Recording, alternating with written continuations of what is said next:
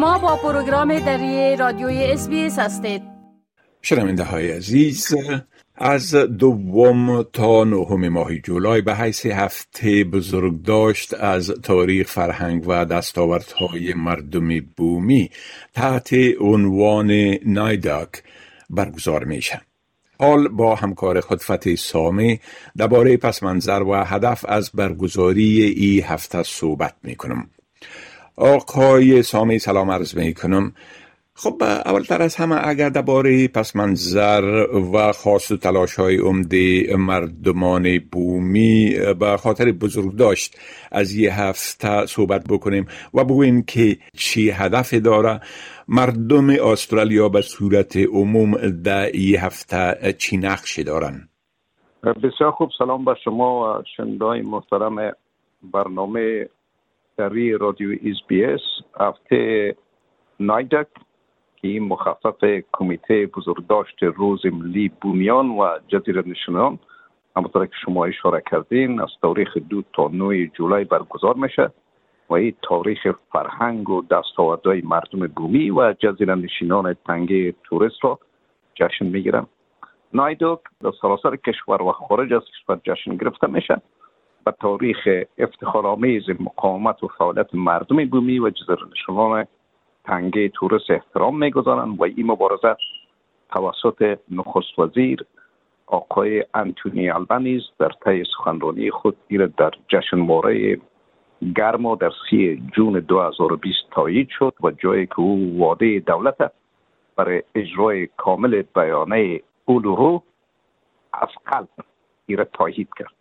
بیانیه اولورو حاوی سه خواست بسیار اساسی بومی است صدا ماهده و حقیقت نخستین و مهمترین خواست داشتن صدا در پارلمان است که نیاز به اصلاح قانون اساسی دارد و اصلاح قانون اساسی طوری که می‌دانید تنها از طریق برگزاری یک همپرسی یا رفرندم ممکن است.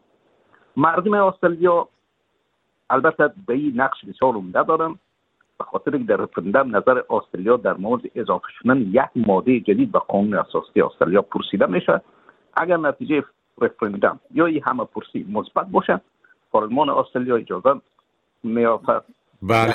اما این صحبت درباره صدای بومی ها در پارلمان و یا ایجادش است که یکی از مسائل است که ای بار یا ای سال در هفته برگزاری نیداک مطرح میشه.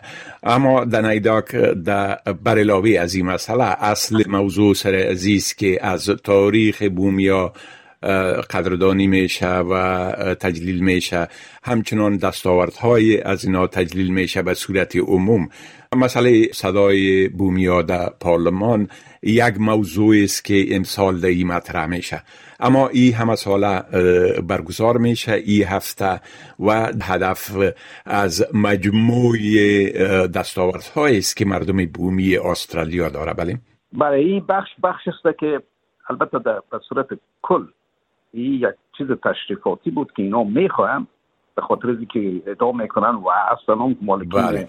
سنتی در زمین هستن و به او خاطر می‌خواهند که صدایشون در قانون اساسی داخل شود و حتی پروفسور مکانجین دویس رئیس مشترک امین نشست اولورو و, و دایلوگ یا مکالمه که باید انجام میشه و وکیل حقوق بشر بین المللی در دانشگاه نیو اینا هم میگن که چهره ملت قاره استرالیا به تغییر قانون اساسی و بر از شناختن مردم های اصلی کاملتر میشه و کشور می‌تونه برای نخستین بار در تاریخ معاصر خود به صورت یک پارچه متحد به سمت پیش حرکت بکنه. خب بومی ها به این هفته و همچنان مراجع دولتی و سازمان های دیگه به خاطر تجلیل از دستاوردها و تاریخ و فرهنگ مردم بومی چی کارهایی می‌کنن؟ البته در بیاناتشون بسیار مشرح و درست انعکاس داده شده به خاطر از که ما میگه ما مفتخر هستیم که اعلام بکنیم که موضوع هفته نایده در 2023 برای بزرگان ماست. شعارش هم که شعار چگونه ما بر بزرگای خود ایره برگزار می‌کنیم. در هر نسل بزرگای ما نقش مهم ایفا کردن. و جایگاه برجسته در جامعه و خانواده های ما دارند. اونا دارای دانش و فرهنگ و پیشگامان و پرورشدهندگان مدافعان معلمان و بازماندگان رهبران زحمتکشان عزیزان ما هستند عزیزانی که در حل لحظه دشوار دست ما را گرفتن و از طرف دیگه ما را کمک همکاری کردن اونا نسل هستند که ما را رهنمایی کردن راه را برای ما هموار ساختن مسیر زندگی ما را ما یاد دادن و از دانش و تجربه و مدیریت زمین و دانش و فرهنگ تا عدالت و حقوق بشر و ما قدرت بخشیدند و در بخشای مختلف مانند بیداشت آموزش هنر سیاست و هر چیز دیگر دورهای بسیاری که ما دنبال می‌کنیم بر ما تعیین کردن. مبارزات بزرگان ما بر ما ما را به جلو می‌بره برابری که برای ما و مبارزه ادامه میتیم در مبارزه خود ما پایبند هستیم. سرسختی و قدرت آنها باعث بقای زندگی ما شده. این تاثیر آنها و از طریق محتوایی است که ما باید اطمینان حاصل کنیم که وقتی که نوبت به تصمیم گیری در آینده بر مردم ما می‌رسه هیچ چیزی در مورد وجود نداشته بدون ما. ما با بزرگانی که از دست دادیم به کسانی که در تمام کشور کشورهای ما برای ما به مبارزه ادامه احترام می‌کنیم و با آنها هم و در سال 2023 همین شعار ماست که ما چگونه بزرگای خود قدردانی بکنیم.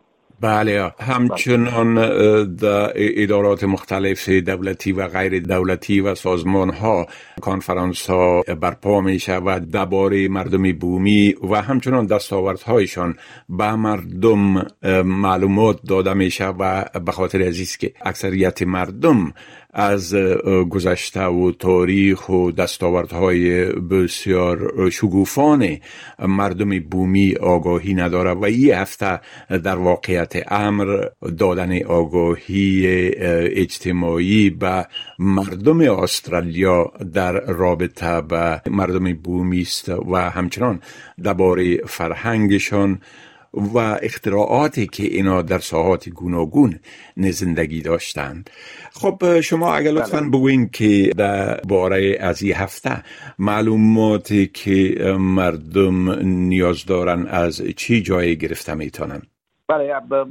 همچنان باید اضافه بکنیم که امی کمیته نایده در این نمایشگاه را هم برپا می‌کنن و در این نمایشگاه جایزه ها را توضیح می‌کنن و از طرف دیگه لباس های رسمی لوازم جواهرات کفش و گپا را قیمت های ارزان مردم پیشکش می‌کنن. اگر می‌خواد کس معلومات درست بگیرد تونن که برند سایت نایدک ایره گوگل کنن. معلومات را که خواسته باشن اسم بله خب بسیار تشکر آقای سامی از این معلوماتتان و فعلا شما را به خدا می سپارم و روز خوش برتان آرزو می کنم همچنان به شما. خدا حافظ سلام علیکم. بپسندید. شریک سازید و نظر دهید.